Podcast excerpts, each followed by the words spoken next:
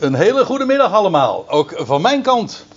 En ik sluit me geheel aan bij wat zojuist door Dubbele is naar voren gebracht. En de bede de vraag de wens dat we een geweldig 2021 gaan beleven. In het uitzicht van een geweldig groot God die alles in de hand heeft.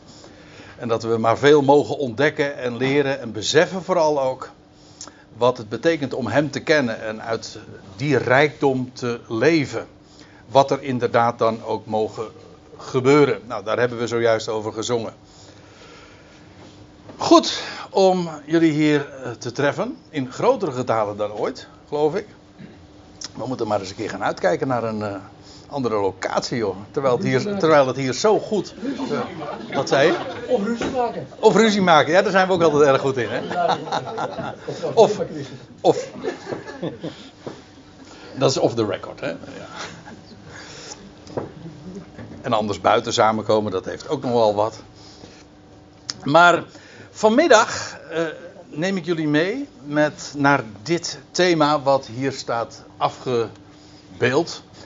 En dat is wat in telegramstijl, anders wordt de titel wat al te lang. En dat is uh, coronavirus, uiting van Gods toorn. En ik werd getriggerd door een artikel dat ik uh, een week of anderhalf geleden, denk ik, uh, las in het Nederlands Dagblad. En het heeft de schijn dat dit een actueel thema is. Ja, want ja, als ik het twee jaar geleden zeg maar ook uh, had gehad over deze titel, dan had u niet eens begrepen waar ik het over zou gaan hebben. He, dus uh, ja, dit heeft in ieder geval de schijn inderdaad van een actueel thema te zijn. Maar uh, ik moet er tegelijkertijd bij zeggen dat in feite alleen de vorm heel actueel is. De eigenlijke vraag type vraag, dat doet zich uh, zo vaak voor aan ons. Namelijk uh, dat uh, er iets gebeurt in de wereld. En bijvoorbeeld, er, is, er vindt een ramp plaats. Ik kan me herinneren dat, dat, dat ik toen nogal veel daarover gelezen heb. Wanneer was dat? Ergens in 2003 of 2004. Dat daar toen die tsunami plaatsvond, daar in Zuidoost-Azië. Toen kwam in feite exact dezelfde vraag, alleen de aanleiding was een andere. Toen ging het niet over het coronavirus, maar een tsunami met uh, ook een enorme impact. Uh, maar wat dacht u wat? Uh, maar toen was ik er nog niet. In 1953 zal de vraag ongetwijfeld, zeker daar in Zeeland, enorm hebben gespeeld. Toen daar de watersnood was of aardbevingen. Nou, die kennen we hier niet zo. In ieder geval niet in die mate dat we ons dan de vraag gaan stellen of, of God storen daarin een, uh, een rol speelt. Hooguit dat we het, uh, de NAM kwalijk nemen of zo. Uh, maar goed, dat soort dingen, dat soort aanleidingen, of bij ziekteuitbraken. Nou ja, dat is momenteel natuurlijk ook aan de orde. Hoewel het natuurlijk niet alleen maar een kwestie is van een virus, maar ook alles wat dan vervolgens aan maatregelen genomen worden en de crisis die dat dan weer tot gevolg heeft. Of oorlogen. Het gaat eigenlijk dan vooral om dingen die, waarbij deze vraag dus opspeelt: van, zou dat te maken hebben met uh, een straf of de toren van God? Bij dingen die ons overkomen en waar je eigenlijk geen enkele invloed op hebt. En dat is dan met name inderdaad het geval bij ziekteuitbraken, bij rampen, dat het zich heel uh, direct zo aan je voordoet. Bij oorlogen al iets minder, omdat je dan natuurlijk heel duidelijk kan onderscheiden dat daar een menselijke factor ook is. En dus dan kun je dat niet helemaal op het konto van God, zeg maar, schuiven. Uh, maar u begrijpt hoe dat werkt. En het was zoals gezegd, een, een, anderhalve week of zo geleden dat ik in het Nederlands Dagblad een preek las. Dat was afgedrukt. En dat was een preek van, voor sommigen van jullie weet ik zeker dat het een bekende naam is. Dominee Henk de Jong, inmiddels al uh, een uh, hoogbejaarde man. Emeritus uh, predikant, een, nogal een gezien figuur binnen de Nederlands gereformeerde kerk. En die had hierover gesproken. En ik, ik, geef eerst even, voordat we daar dieper op ingaan, om even in de moed te komen zeg maar, van de vraagstelling aan zich. Uh, die begon zijn preek zo. En zo stond het in de krant dus ook afgedrukt. O Heer, straf mij niet in uw toren en kast, kastijd mij niet in uw grimmigheid. Het zou me niet verbazen dat dit uit de berijmde Psalm 6 is. En dan eh, vervolgt dominee Henk de Jong met: Weet u dat ik deze psalmtoon mis in het hele gesprek over de coronacrisis? De gedachte dat God boos is, zoals ik onlangs een oudere volksvrouw uit een van de oostelijke landen hoorde zeggen, en ons met dat verraderlijke, ellendige coronavirus wereldwijd straft. Die gedachte kom je bijna nergens meer tegen. Die vrouw kwam er in alle eenvoud mee aan. En hij gaat verder. Wij, wij reageren vandaag heel anders op een dergelijke plaag dan ons voorgeslacht. Neem de pest in de middeleeuwen. Groepen van mensen trokken dan door het land, de zogenaamde geeselaars, die zichzelf met zwepen verwonden en die zo de mensen opriepen tot verootmoediging onder de slaande hand van God. Zou dat tegenwoordig niet alleen maar de spot van de mensen opwekken? En dan gaat hij nog verder. In werkelijkheid is dat natuurlijk een hele toespraak geweest. Maar ik, uh, alleen uh, het begin van zijn preek geef ik hier nu even weer. Om uh, enigszins een indruk te geven. Nee, zegt dominee de Jong dan. Nee, maatregelen treffen, gedragsregels opstellen, quarantaines afroepen en lockdowns instellen. Dat zetten mensen zo aan de dijk. Alleen samen immers kunnen wij deze pandemie aan. Zo bestrijden we toch effectief deze besmettelijke ziekte en haar gevolgen. Kijk maar naar de cijfers in de nieuwsbulletins. Maar dat dit, maar dat dit van God komt, dat is iets van vroeger. Nou, hij gaat dan uh, verder en hij mijmert en hij legt uiteindelijk aan het kerkvolk dan ook een vraag neer van denkt u daar eens over na. Maar het zijn vooral dan ook theologische overwegingen uh, ja, wat uh, ik vanmiddag wil doen, is uh, veel directer. Uh, niet zozeer oh, hoe hier zo in de loop der jaren of in de kerkgeschiedenis over nagedacht is en wat grote mannen of theologen daarover hebben gedebiteerd. Nee, gewoon wat zegt de schrift. Dat klinkt wat houtijn en misschien ook arrogant als ik het zo formuleer. maar ik dat is in ieder geval de intentie. En het is aan jullie natuurlijk om gewoon kritisch te beluisteren. Is het inderdaad naar de schrift uh, dat wat we nu vanmiddag zo zullen overwegen, wat ik zo ook uh, doorgeef. De vraag is dus deze: torent God vandaag? Of een andere vraag. Nee, eigenlijk in het verlengde daarvan. Dat is, dat is als het namelijk het antwoord negatief zou zijn. Uh, hoe zit het dan? Toornt hij überhaupt wel? Of uh, is de toren toekomstig? Nou, dat hij überhaupt uh, niet zou toornen. Nou, voor degene die. Die vraag die laat ik eigenlijk helemaal achterwege. Omdat wij hier gewoon als Bijbelstudenten zeg maar, bij elkaar zijn. Gelovigen. We kennen de schrift en we weten dat de Bijbel spreekt over de toren van God. Dus daar zetten we op zich geen vraagtekens bij. Maar gewoon, wanneer is dat actueel? Wanneer is dat aan de orde? Vandaag, tegenwoordig of is dat toekomstig? En uh, nog een vraag: is dat überhaupt wel een tegenstelling? En je voelt hem al aankomen dat ik inderdaad eh, ga, naar voren ga brengen dat dat niet het geval is. Vandaar de volgende punt. Zo nee, dus als het geen tegenstelling is, dat het en vandaag en toekomstig is, waarin verschillen dan een en ander? Is er een verschil tussen Gods toorn vandaag en Gods toorn in de toekomst? Nou, uh, ik citeerde zojuist een, uh, een Nederlands gereformeerde predikant. En nu ga ik uh, weer iets heel reformatorisch doen. En dat is homiletisch, technisch gezien heel verantwoord. Want ik ga het in drie punten samenvatten. En ik doe dat in, op voorhand. Ik geloof niet dat ik dat heel vaak doe, maar bij deze dan wel. Ik ga in drie punten naar voren brengen. Punt 1 de dag van Gods toorn is toekomstig. Ik ga straks onder uh, de bonnetjes overleggen. En het tweede punt is: Gods toorn vandaag is er wel degelijk, maar is passief. En wat ik daarmee bedoel, uh, komt uiteraard in het vervolg aan de orde.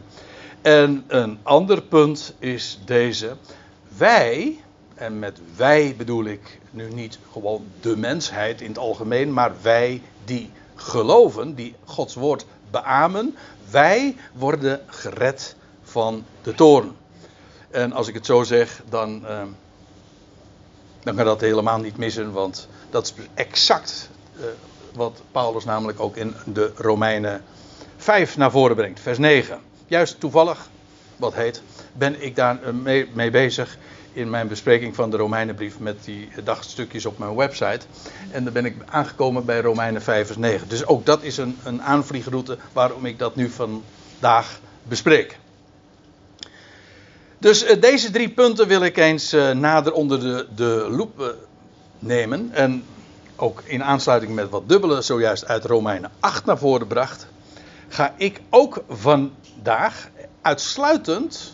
Nee, nou ja, in ieder geval met name uit de Romeinenbrief mijn punt maken.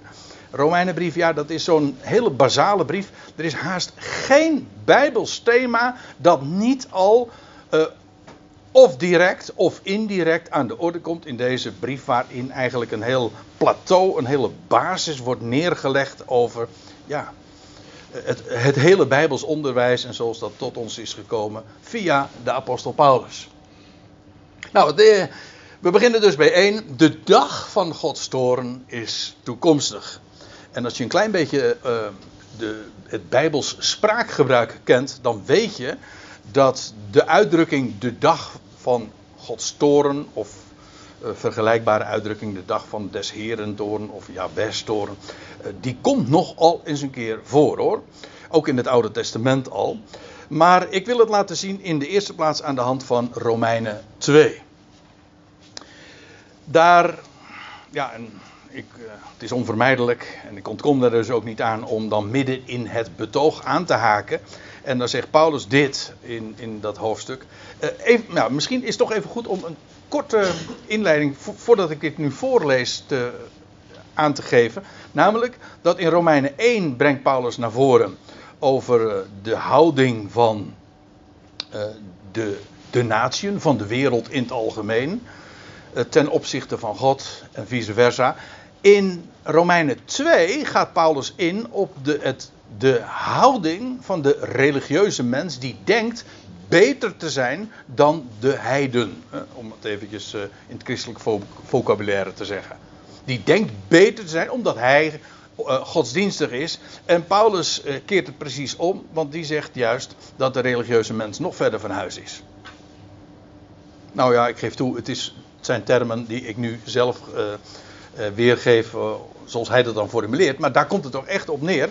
Dan zegt hij in vers 5, maar in overeenstemming met jouw hardheid en onbezonnen hart. Kijk het in de context maar na. Dan heeft hij het over degene die zich een oordeel meent te kunnen aanmatigen over de wereld die zonder God leeft. Zonder de God leeft. En dan heeft hij het uh, vooral ook over gij, o Jood. Hij betrekt het nog iets breder. Maar vooral de Jood wordt in Romeinen 2 aangesproken. Die zich inderdaad verheven voelt boven de heidenwereld die van God niet weet. En, maar zegt Paulus dan in overeenstemming met jouw hardheid en onbezonnen hart. Spaar je voor jezelf toorn, toorn op in de dag van toorn de dag van toren en onthulling van Gods rechtvaardig oordeel, die aan een ieder betaalt naar zijn werken. En dat is uh, wat je dus uh, mag verwachten. De dag van toren wordt hier ook als toekomstig voorgesteld. Immers, je kan uh, degene die hier aangesproken worden, die sparen voor zichzelf toren op. Het wordt opgespaard en dat zal in de dag van toren en wanneer Gods rechtvaardig oordeel wordt onthuld, worden uitbetaald. En ja, waar het hier uh, dus uh, nogmaals over, specifiek over gaat, is de, religieuze mens, zeg maar, hier vooral ook de Jood. Maar ik zou het eigenlijk nu ook uh, in het algemeen kunnen zeggen, ook de christelijke mens. Hè, het, christendom, dat zich verheven voelt boven de wereld die God niet kent. En die heeft daar een snoeihard oordeel over. Maar Paulus zegt, uh, dat is volkomen ten onrechte. Hij zegt trouwens ook, dan moet ik eventjes mijn uh, doorweekte Bijbel openen. Hoe was het ook alweer precies in Romeinen 2? Dan moet ik even spieken. Voordat ik verkeerd citeer. In. Of ja, dan zegt hij, dat is trouwens het voorgaande vers, vers 4. Of veracht ge. Of veracht je de rijkdom van zijn goede tierenheid, verdraagzaamheid en langmoedigheid? En besef je niet dat de, de, de goede tierenheid van God is die je tot boetvaardigheid leidt. Met andere woorden, wat hij eigenlijk zegt is: jullie hebben geen idee van Gods liefde en van Gods goede tierenheid. En dat bewijst, en dat bewijst dat je zo enorm hard bent. En dat is nog erger dan de wereld die van God niet weet. Dat is namelijk hardheid. Trouwens, ik moet erbij zeggen, ik had het net over het Jodendom. Het christendom is nog vele malen harder, omdat die namelijk een oordeel heeft voor de wereld weggelegd. Voor alles wat niet christelijk is, zeg maar. Namelijk een eindeloze hel. Als je, niet, als je geen christen wordt, dan is dat wat je wacht. Dat kun je alleen maar menen als je hart verhard is keihard als je dat kan verdragen überhaupt. Het Jodendom kent dat idee niet van een eindeloze hel. Daar duurt de hel hooguit een jaar. U zegt, dat is ook verzonnen. Dan zeg ik, ja, dat is waar.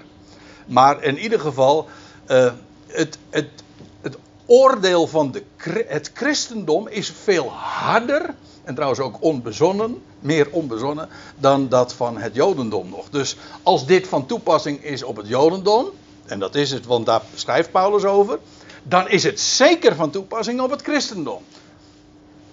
Maar, eh, en Paulus zegt ook, eh, dan kun je weliswaar menen beter te zijn, maar wat je in werkelijkheid doet, is eh, jezelf toren opsparen voor de dag van toren.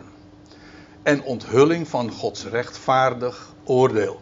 Die dag van toren, dat is een uitdrukking die te maken heeft met ja, de tijd die, nou, ik mag wel zeggen, inmiddels zeer aanstaande is. Namelijk als God gaat ingrijpen in deze wereld. In het boek Openbaring lezen we daarover. En daar neem ik u ook eh, in de eerste plaats maar even mee naartoe.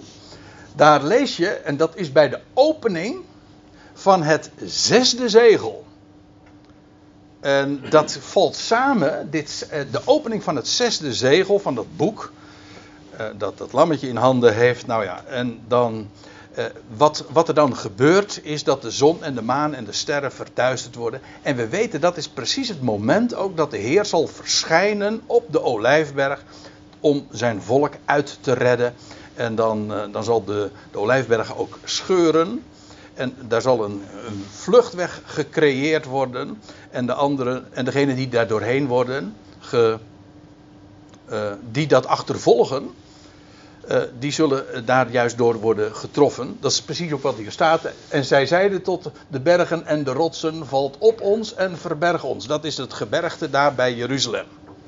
Nou, hoe dat precies in zijn werk gaat, Zacharia 14 spreekt daarover. En, maar dat moment, dat is dus aan het einde van de grote verdrukking, van die periode van 42 maanden, zal de Heer verschijnen. En dan, ja, dan, dan, dan gaat God ook in feite wat er gebeurt is dat Israël uitgered wordt, maar dan gaat God nog een rechtsgeding voeren met de volkerenwereld. Israël zal daarmee in feite gered worden en dan vervolgens zijn de, de volkeren aan de beurt en dat wordt beschreven dan in dat wat uh, na de zegels uh, plaatsvindt, namelijk de bazuinen. En dat loopt weer parallel met, uh, met de schalen van toren. Nou ja. Wat er gebeurt bij die gelegenheid, bij het zesde zegel, is dat men dat dan zal zeggen van valt op ons. Nou, dat gebeurt dan ook trouwens. Als we daar bij Jeruzalem zijn. En verberg ons voor het aangezicht van hem die zit op de troon. En dat wordt dan ook, men realiseert zich dat ook. En voor de toren van het lammetje. Een heel eigenaardige uitdrukking. Want je verwacht alles van een lammetje, maar geen toorn. Hè? En dat hij ingrijpt. En dat hij in zijn boze. Dat verwacht je wel van een leeuw. Maar als je even terugleest, dan weet je dat die, dat lammetje de leeuw van Juda is. Dat is trouwens openbaring 5. En, maar men weet dan van, ja, dat lammetje, dat degene die geslacht is, maar die opgestaan is, ja, die zal dan gaan optreden als de leeuw van Juda en die zal dan brullen, hè, de toorn van het lammetje. En dan zegt er, en dan staat er, omdat de grote dag van hun toren, dat wil zeggen degene die op de troon zit, en van het lammetje, omdat de grote dag van hun toren kwam, of is gekomen, staat er geloof ik in de MBG-vertaling. En wie kan stand houden? Wie als dat gaat gebeuren, als het lammetje gaat optreden, en uh, acte de présence zal geven, daar op de Olijfberg, en, uh, dan gaat die dag van toren voor de volkerenwereld aanbreken. De grote dag van hun toren kwam. In Sefania en Obadja vind je die uitdrukking ook, de dag van de toren van God. Het gaat dan inderdaad over de periode die, uh, ja, na de periode dus van genade, waarin God niet ingrijpt, ik kom daar straks op terug, maar na die, uh, straks gaat God echt ingrijpen en dan zal hij gaan toren, zijn boosheid ook openbaren. In feite alles wat je leest over die bazuinen. Die zeven bazuinen en dat de zee dan voor het eerst, in eerste instantie voor een derde bloed wordt. En, de, en dat, het, uh, dat uh, het gewas verschroeit. Nou ja, al die plagen, dat is dan inderdaad een uiting van Gods toren. Zo staat het er ook. En trouwens, later in hoofdstuk 16 dan lees je ook over de schalen van toren die worden uitgegoten. Die, die schalen die lopen parallel met de bezuinen trouwens. Maar goed. Dat is de dag van Gods toorn. Dan zal hij ingrijpen. En laat, laat dit duidelijk zijn. Dat is niet nu. Dat is toekomstig. Dit is in de tijd van de openbaring. Niet nu verbergt God zich. Straks wordt hij openbaar en dan gaat hij ingrijpen. Dan komt er een einde aan dit, uh, deze aion. En dan gaat er een toekomende aion. Die, die transitie, daar gaat het hier over. Zal er een toekomende aion aanbreken. Het millennium, nou ja, enzovoorts. En dat gaat niet geruisloos. Nee, dat is een ik, ja, ik zit even te aarzelen. In de auto hadden we het nog over die uitdrukking. Een big reset of een great reset. Maar nou bedoel ik nu niet uh, dat waar, waar de uh, Klaus Schwab en zo het over heeft. Nee, ik bedoel dan echt een great reset. Dat wil zeggen de reset van deze boze aion in de rechtvaardige aion. Uh, waarin, ja, waar waar openbaar 20 van spreekt, dat millennium. Die dag van toren is inderdaad toekomstig. Trouwens, ik moet er nog even iets bij zeggen. Je leest hier over de dag van Gods toren. Dat is het, de toren over de levenden. En de onthulling van Gods rechtvaardig oordeel. Dat is ook het gericht uh, bij de grote witte troon. Maar dat is een oordeel over de doden. In de theologie wordt dat altijd eh, ineengeschoven. Dat komt omdat men het millennium niet ziet. Kijk, wat je krijgt is dit. Even schematisch voorgesteld. De dag van toren, waar ik het zojuist over had. Dit is waar we nu zitten in die stippellijn, zeg maar. Dat is een oordeel over de levenden. Over de levenden hier op aarde. Dan krijg je, als dat allemaal zijn beslag heeft gehad. Dan, uh, dan volgen de duizend jaren. Relatief is dit maar kort. Dat is altijd zo. Gods duurt, is een ogenblik, hè? Dat weet u toch? Gods toorn is een ogenblik ten opzichte van zijn goede tierenheid. Een ogenblik duurt zijn toorn, maar een leven lang zijn goede tierenheid. Dat zijn de verhoudingen. Zijn toorn moet je niet wegvlakken, maar je moet wel de proporties en de, de verhoudingen zien.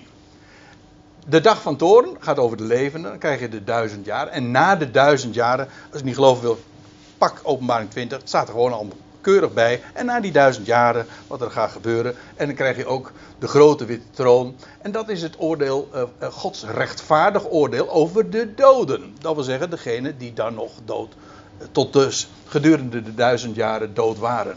Want ook hier vindt voor de duizend jaren ook al een opstanding plaats. Dus de eerste opstanding. En zalig en heilig is hij die, die deel heeft aan die eerste opstanding. Nou ja, en de resterende doden, die zullen hier worden opgewekt na de duizend jaren. En dat is het, het rechtvaardig oordeel van God. Ik zeg, oh ja, ik, ik had het net even over, over. In de theologie wordt er gezegd.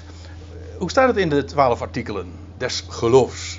Zoals dat zo mooi heet. Om te oordelen de leven. Ja, van waar hij komen. Hij is, van waar hij komen zal om te oordelen. De levenden en de doden. Zo staat het niet in de Bijbel. Hij, is, hij oordeelt levenden en doden. Maar het is niet zo dat hij komt en dan zal hij oordelen over leven en de doden. Nee. Ja, dat, als, maar als je dat millennium niet ziet, dan denk je dat. Er zit namelijk tussen het oordeel over de levenden en het oordeel over de doden duizend jaar tussen. Nou, dat mag je toch niet ontgaan. Vind ik toch een aardig, eh, aardig lange periode. Maar ja. Uh, Eén nacht. Ja, zo, ja zo, dat, dat kun je ook nog verdedigen. Dat is waar, ja. Ja, wat is lang, wat is kort. Maar goed. Uh, ja, maar als je geen zicht hebt op dat millennium, en dat heeft men in de kerk dus helemaal niet, dan zegt men dat we nu in het millennium leven. Maar goed. Uh, al die dingen die. Ja, als je geen zicht hebt op de tijden, ook over de ionen, ja, dan, dan, dan bak je er van Bijbel de, en van het verstaan van de schrift echt helemaal niks. Nou, ik heb hier eventjes een paar uh, tekstenverwijzingen nog uh, gegeven.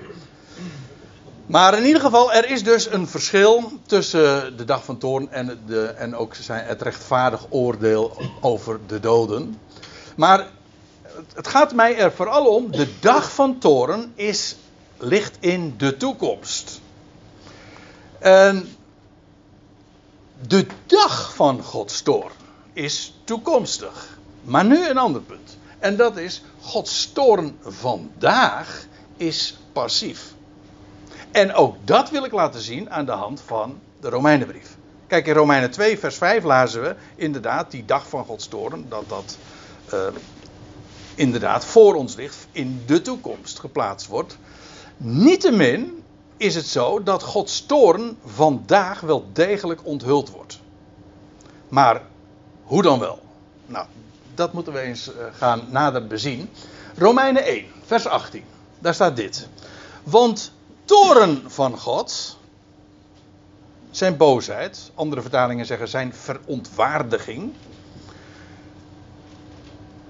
Want toren van God wordt vanaf de hemel onthuld over alle oneerbiedigheid, over alle, hoe staat het er, de goddeloosheid, zegt de MBG-vertaling, letterlijk oneerbiedigheid, uh, en onrechtvaardigheid van mensen, die de waarheid in onrechtvaardigheid ten onder houden. Hier, uh, dit, is, is, heel erg belangrijk dat hier sprake is van de tegenwoordige tijd. Dus wordt er gezegd, want toren van God uh, wordt vanaf de hemel onthuld. Wordt onthuld, dat is tegenwoordige tijd, is degene die dat uh, hier in de interlineair ook zien, dat verticale streepje hiervoor geeft aan, het is tegenwoordige tijd. Niet zal worden geopenbaard of zal worden onthuld, nee, wordt onthuld. Nu, in de tegenwoordige tijd. Dag van Gods toorn is in de toekomst, maar toorn van God wordt nu al vanaf de hemel onthuld. Niet over de mensen aan zich, maar over hun oneerbiedigheid, het feit dat ze uh, God wegredeneren. Trouwens, het vervolg van Romeinen 1 gaat daarover. Ze kennen God wel, maar ze weten dat hij er is. Maar ze hebben hem buiten gesloten, buiten hun denken. En de waarheid mag niet gehoord worden. En wordt gecensureerd, ten onder gehouden. En dat is eigenlijk een, een, een plaatje van de tegenwoordige Aion. En Gods toorn wordt daarover onthuld. De vraag die zich dan aandient is: hoe dan wel? Hoe wordt die toorn van God onthuld? Nou, dan kun je twee dingen doen. Dan kun je gaan theologiseren, iets gaan bedenken, van wat zal het zijn. Je kunt ook gewoon lezen wat er staat. Nou, het antwoord geeft Paulus namelijk tot drie keer toe. Ik moet er wel bij zeggen, hij geeft drie keer hetzelfde antwoord. Wat die onthulling van toorn van God in de tegenwoordige tijd is. En die vind je in vers 24, 26 en 28. Ga met me mee. De vraag is dus: hoe wordt Gods toorn vandaag, in de tegenwoordige tijd dus, onthuld? Nou, er staat in vers uh, 24, ik sla nu een paar versen over. Nadat Paulus, moet ik er even nog bij zeggen, nadat Paulus heeft uiteengezet dat uh, de waarheid, dat de mensheid in het algemeen de waarheid ten onder, onderdrukt. Ze willen het niet horen. Ze weten hij is er, maar men wil het niet weten, men wil er niet meer rekenen. En dat staat er, en daarom is het uh, duister geworden in een onverstandig hart. Nou ja, enzovoort. En waarna de vraag is, en waar, waarin blijkt dan Gods toren? In, in virussen? Of in uh, rampen die de aarde uh, treffen? Of in bliksem en donderslag of whatever? Nee. Kijk, er staat in vers 24. Daarom heeft God hen overgeleverd. Nadat hij dus heeft uiteengezet uh, wat die wereld doet, die de waarheid ten onder houdt. Dat is onrechtvaardig trouwens. Dan doe je de waarheid geen recht. Daarom heeft God hen overgeleverd in de begeerte van hun harten. Tot in onreinheid van het onteren van hun lichaam onder elkaar. Want ja, als je God hebt weggeredeneerd, wat blijft er dan over? Nou, gewoon uh, dan alleen het fysieke, alleen het lichamelijke. En dan wordt seks ook bijvoorbeeld, daar gaat het vooral over, wordt plat. Gewoon zonder enige dimensie naar boven. Dat is dan uh, niks anders dan alleen maar begeerten. Zonder echte betekenis. Zonder dat het verwijst naar schepper, schepping. Mannelijk, vrouwelijk. Dat soort dingen. Rechts, links, ja, ook nog. En wat God doet, is daarom heeft God hen overgeleverd in de begeerte van hart. Let op zo'n voorzetsel. Dit is zo.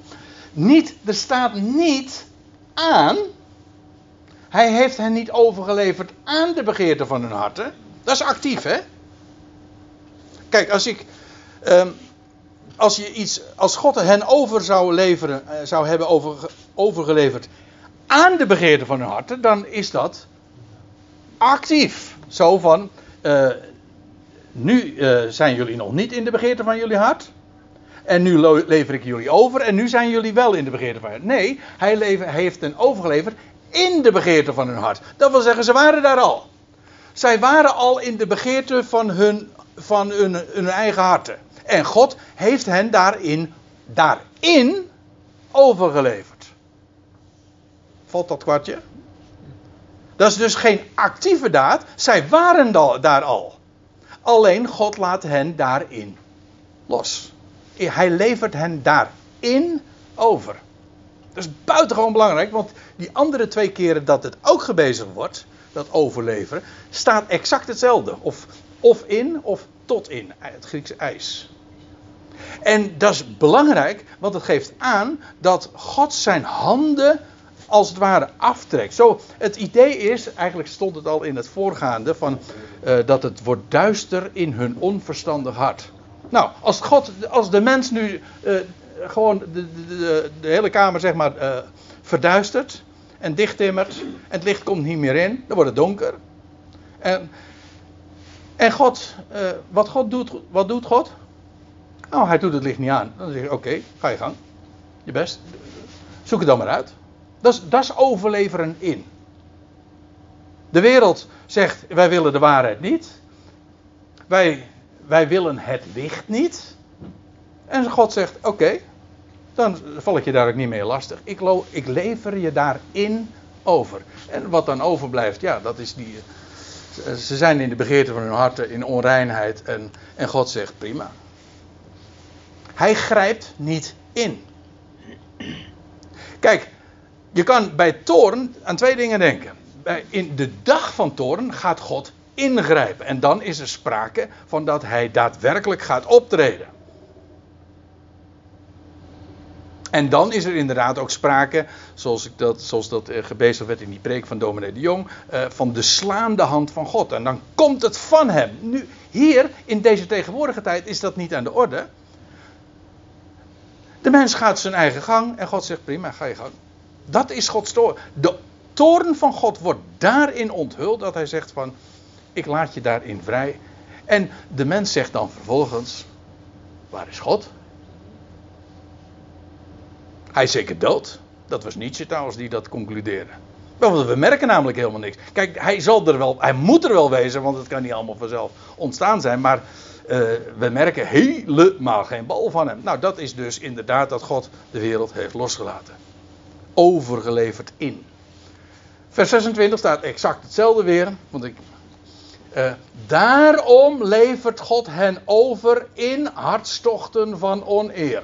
Want hun vrouwen vervangen de natuurlijk het gebruik tot wat naast de natuur is. Gaat het inderdaad over homoseksualiteit en bestialiteit hier trouwens, denk ik. Maar goed. Niet, om zo te zeggen. Het feit dat de mens dat doet, is een bewijs van de verduistering. En dat God hen overlevert. Zij zijn daarin, zij kiezen daarvoor, prima, en God laat hen daarin begaan. Gods toorn is dus niet dat hij daar iets tegen doet, of dat hij het AIDS-virus daarvoor, zeg maar, uh, de mens daarmee trakteert. Dat, heb ik, dat was trouwens de, de versie in het jaren 80, zeg maar. Toen hadden we het niet over uh, het coronavirus, maar over het AIDS-virus. En dat zou een straf zijn van God vanwege de homoseksualiteit. Maar het is anders. Het feit dat het wordt donker en de mens kiest vervangt het natuurlijk gebruik. Ze hebben geen zicht meer op schepper, schepping. En dus wordt het donker. En zien ze het verschil niet meer tussen mannelijk en vrouwelijk. En die duisternis. En dat God hen daarin laat. Dat is, de, dat, is dat overgeleverd worden in. De mens doet het licht uit. Het wordt donker. En God zegt prima. Zo so be het. Hij levert hen daarin over. En dan nog uh, twee versen later zegt hij: En zoals als zij het verwerpelijk achten God in erkenning te hebben, heeft hij hen, gewoon de mens, overgeleverd tot in verwerpelijk denken om dingen te doen die niet behoren. Dus uh, zij gaan verwerpelijk denken en God zegt: Oké, ga je gang. En dan zul je er gewoon proefondervindelijk achter komen dat je op een, een doodlopende weg begaat, in bent geslagen. En ook dat is trouwens uh, pedagogisch. Je kunt, je kunt iets zeggen tegen je kinderen. En ze waarschuwen. En als ze daar gewoon. Hoe zeggen we het dan? Als je niet horen wil. Nou ja, dat is heel pijnlijk. Dan moet je het maar voelen. En feitelijk, dat is wat Romeinen 1 is. Wil je het niet horen? Oké, dan zul je het voelen. Dat dit uiteindelijk goed komt, ja, dat is Romeinen 3 en 4 en 5 en 6. Ja, daar gaat het niet om. Maar dit is zoals uh, God daar dan mee dealt, of juist niet mee dealt. Oké.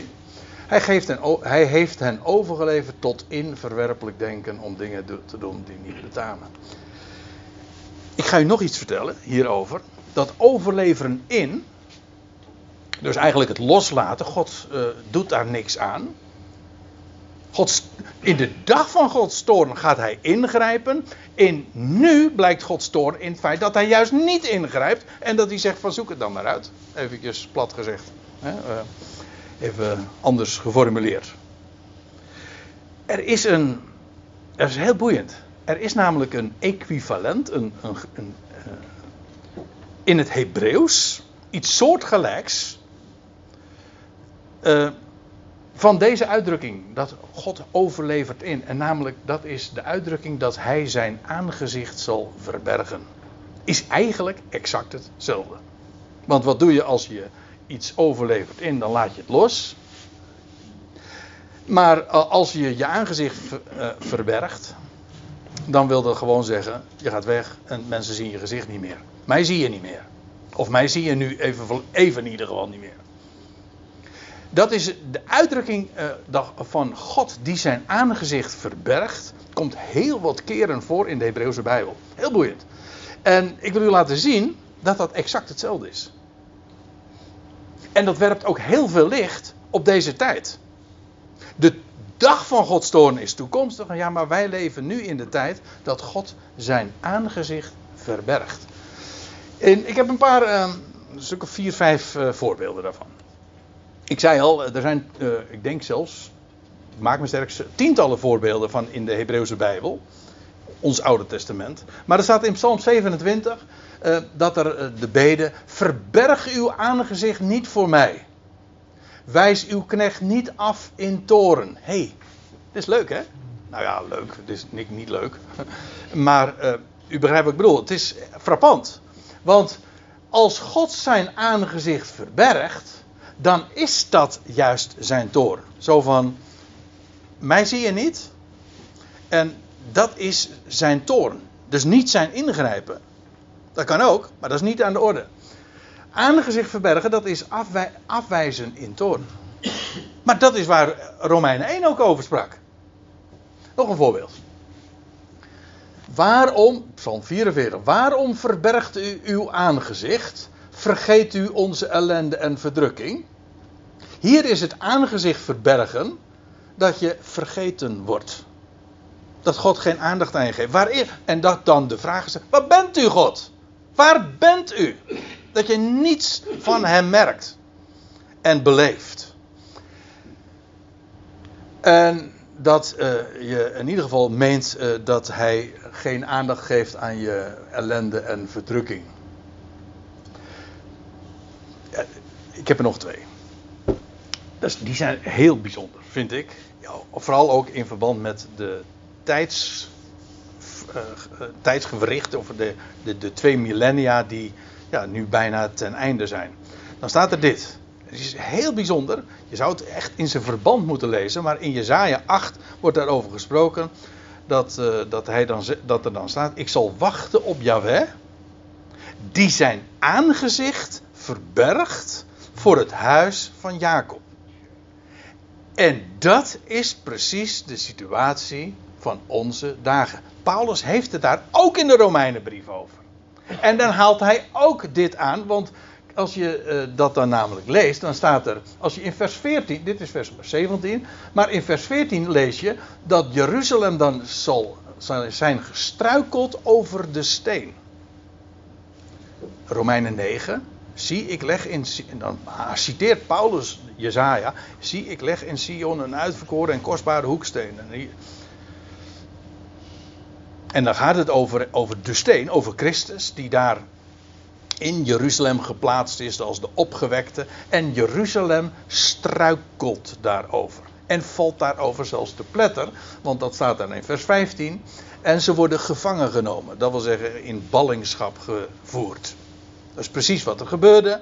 De steen werd in Sion gelegd en een generatie later, precies 40 jaar later, werd heel de stad Jeruzalem verpletterd en verbrand. En vervolgens werd uh, wat er nog over was gebracht in, in gevangenschap, in ballingschap.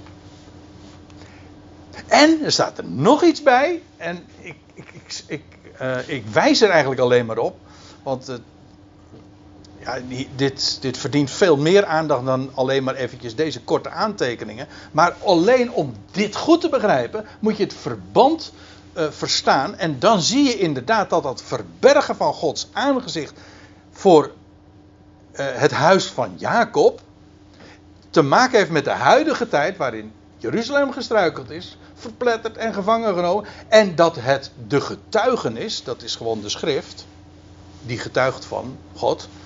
En de wet is toegebonden en verzegeld. Er staat verzegelde wet en uh, bindt de getuigenis toe. Dat wil zeggen, het wordt dichtgedaan, gesloten en het is ontoegankelijk. Dat wordt later in Jesaja 28, we hebben het er hier wel eens over gehad aangehaald en dan wordt er gezegd van ja, dat is deze tijd. Israël is wel bezig met de schrift. Maar er ligt een bedekking op, ze verstaan het niet. Het is een gesloten boek. En dus verstaan ze het niet. Het is toegebonden en, ze, en verzegeld.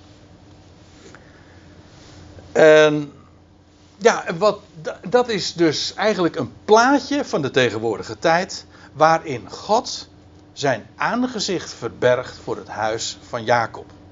Voor Israël en daarmee ook voor de volkeren, want in feite is Israël ook weer exemplarisch, een voorbeeld voor de volkerenwereld.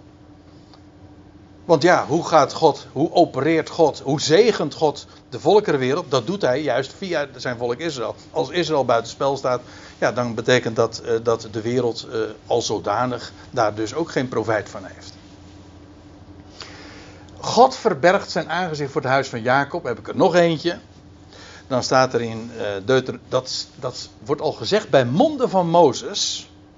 Doch ik zal, staat er dan, dus te dien dagen, dus in de toekomst, mijn aangezicht volkomen verbergen vanwege al het kwaad dat zij gedaan hebben. Ook daar gaat het weer over het feit dat het, het volk uh, het woord verwerpt en dan, ja, dat is, dat is Deuteronomium 30, dat het onder de natieën verstrooid zal worden en, uh, en daar enorm veel onheil zal treffen en God verbergt zijn aangezicht. Dat is de tegenwoordige tijd. En ja, wij, spreken, wij zeggen heel vaak van dit is de wij leven in de bedeling, de huishouding van de verborgenheid. Ja, maar dat sluit daar exact en naadloos bij aan. Betekent dat God uh, allerlei, via de apostel Paulus, allerlei verborgen dingen uit het Oude Testament aan ons bekend maakt. Ook dat hij zijn aangezicht verbergt. Het meest karakteristieke van deze tijd is dat hij zich verbergt. Zo karakteristiek als het is dat hij straks geopenbaard wordt. Want dat, is, dat, is de, ja, dat zijn de, noemen ze dat, de antoniemen. Hè? Hij verbergt zich. En als de verborgenheid, uh, zijn, zijn aangezicht uh, niet langer verborgen is, ja, dan openbaart hij zich. En dat is waar de openbaring van spreekt. Het is allemaal heel logisch eigenlijk als je er zo tegenaan kijkt. Maar in de tijd dat hij zich verbergt, dan zie je zijn gezicht niet. Dan laat hij niets van zich merken. Niet zijn. Hoe staat het in de. Uh, in Nummerie is dat zeker.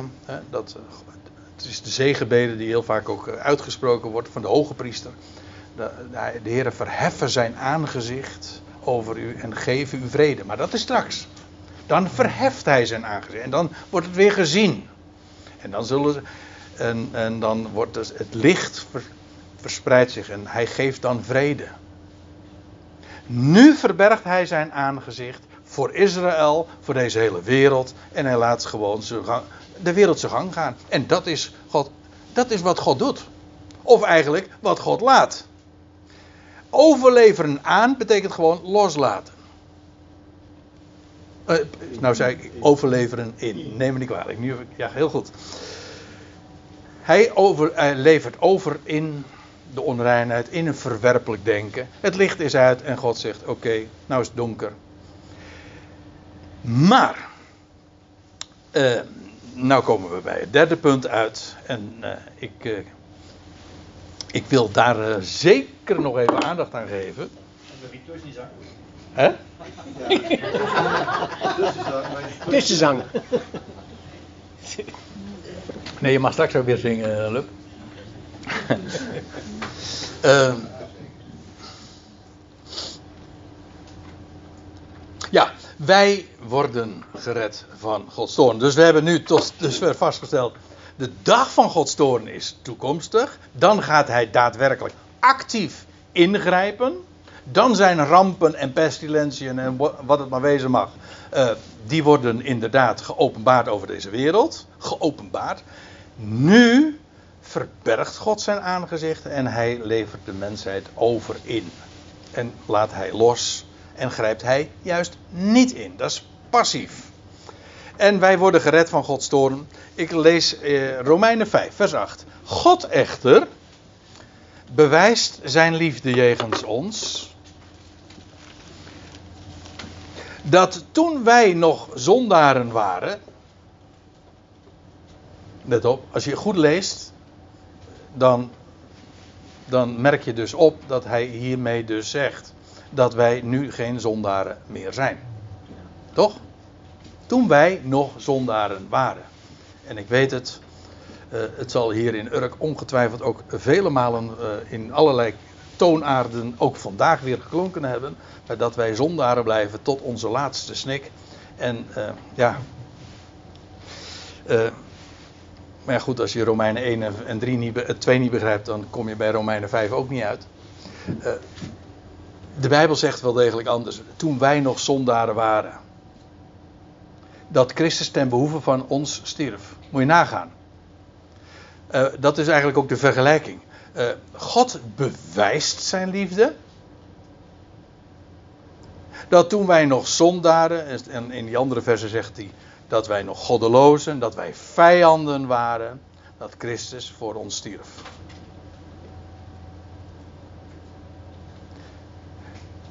vijandschap maakt geen einde aan de liefde. Nee, vijandschap is juist de hele de, de display, zeg maar. Dat is de achtergrond waarin hij zijn liefde bewijst. Daar waar de mens vijandig, goddeloos en zondaar, als, als zondaar opstelt, daar bewijst God zijn liefde. Onvoorwaardelijk. Dat Christus ten behoeve van ons stierf. Nou, dan staat er uh, veel meer dan zullen wij, die nu gerechtvaardigd worden in zijn bloed, dat heeft te maken met zijn opstanding, zijn opstanding uit de dood, door hem gered worden van de toren. Kijk, het idee is, dat is, een, een, bepaalde type argumentatie. Ik heb daar juist uh, deze week even ook wat, wat meer mee bezig gehouden.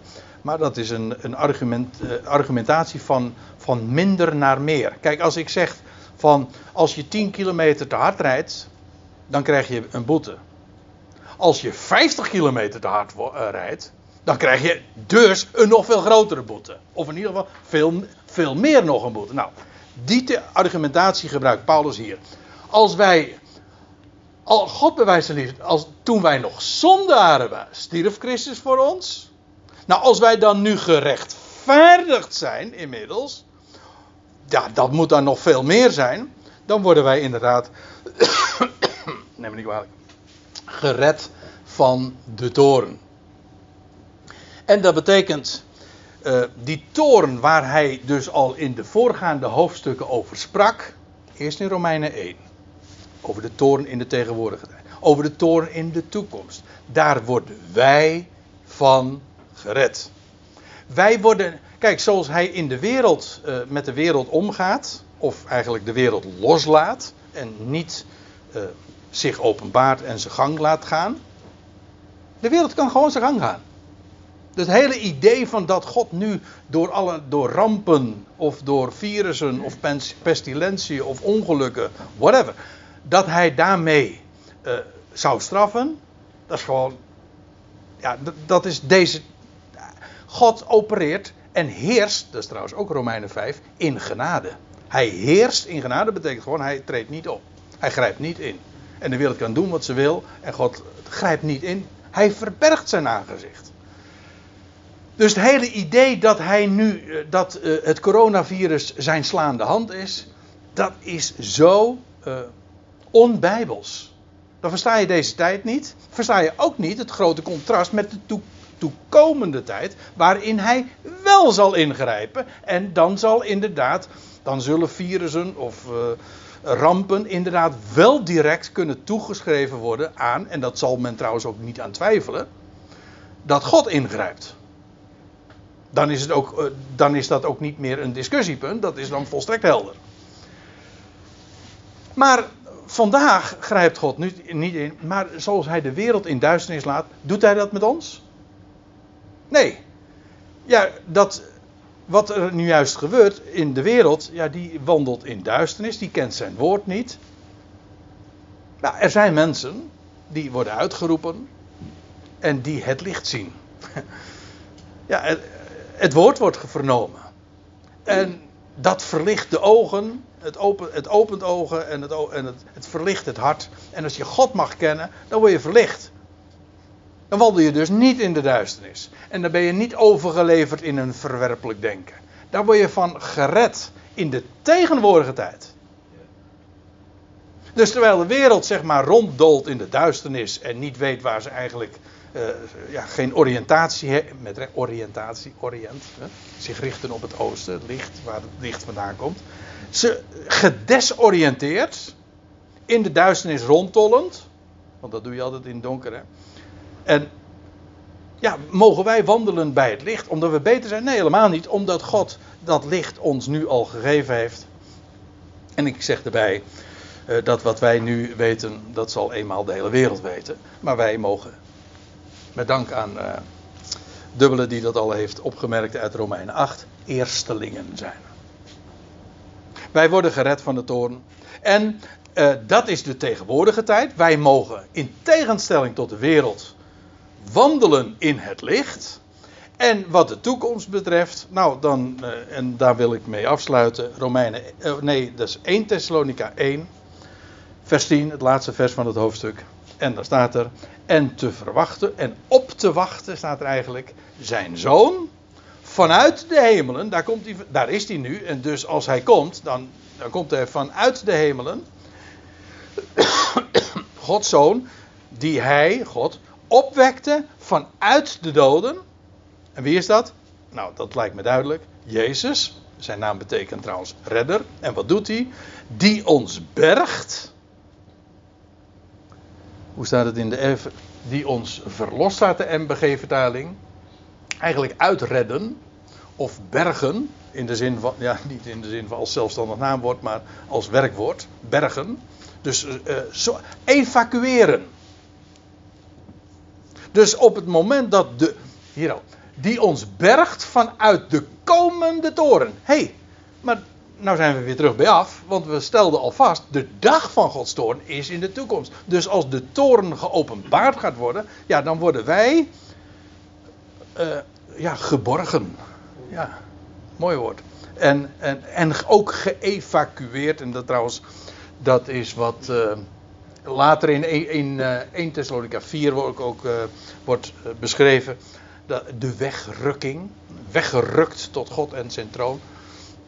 Lees je ook over die mannelijke zoon in openbaring 12, die wordt weggerukt net voordat die vrouw gaat vluchten uh, naar de woestijn, waar ze 1260 dagen uh, wordt, uh, een onderduikadres heeft.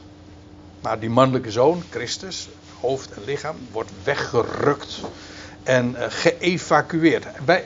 Hij bergt ons uit de komende toren. Waarmee ik dus wil zeggen, is hij. Wij worden gered van de toren. In de tegenwoordige tijd, doordat we wandelen in het licht en daarmee ons denken hervormd wordt en dus we inderdaad vrede en rust hebben en wij Hem kennen. In tegenstelling tot de wereld die in duisternis en in duisternis wandelt en gedesoriënteerd is. En in de toekomst, in de nabije toekomst, als het gaat losbarsten in deze wereld, vlak daarvoor worden wij in veiligheid gebracht. Ook om daar nog onze functie te gaan uitoefenen natuurlijk. Maar uh, hoe dan ook, het zij in de tegenwoordige tijd als het gaat om de passieve toren, het zij in de toekomende tijd als het gaat om de actieve toren, dat God gaat ingrijpen, wij worden gered. Waarom? uh, wel uh, als Christus als voor ons stierf toen wij nog zondaren waren, veel meer nog zullen wij, nu we gerechtvaardigd worden, door hem gerechtvaardigd worden van de toren. Dus dat is, daar zijn wij met recht geheel safe voor, op zijn Engels dus. Hè? Gered. Dus, daar zijn wij, uh, ja, we, ook daarin zijn wij zo bevoorrecht dat we dat licht hebben en straks ja, dat we naar die plek worden geëvacueerd om onze functie te gaan uitoefenen. Dus het is waar. Wij worden gered van de toorn. Nog veel meer. Dat is eigenlijk zo logisch. Als het eerst al waar is, dan, zeker als wij nu gerechtvaardigd zijn, dan uh, zit dat voor de toekomst ook helemaal safe. Ja. Nou, dat waren zo van die overwegingen. Dus ik hoop daarmee ook antwoord hebben, te hebben gegeven op de vraag of dat coronavirus een uiting is van Gods toren. Nee. Het antwoord is dus nee. Want virussen en ongelukken en rampen, die worden geopenbaard in de dag van Gods toren. En dat mensen daar. Misschien mag ik daarmee eindigen. Dat wilde ik ook nog zeggen, namelijk. Uh, dat de mensheid nu in duisternis wandelt. En ook hierin, ook als het gaat om bijvoorbeeld dat hele corona gebeuren, de waarheid ten onder houdt en daarmee ook inderdaad het licht onderdrukt. Dat is ook weer, dat is verwerpelijk denken. En in die zin, het feit dat God zo'n wereld laat begaan en zodat ze gewoon verwerpelijk denkt en gewoon de foute wegen inslaat en de en gewoon de verkeerde dingen doet, ja, dat is wel een uiting van duisternis en dat God daar niks, niet bij ingrijpt, dat is Gods toorn wel. Maar dat is een subtiel onderscheid en dat heb ik willen maken vanmiddag. En ik hoop dat het enigszins duidelijk is geworden.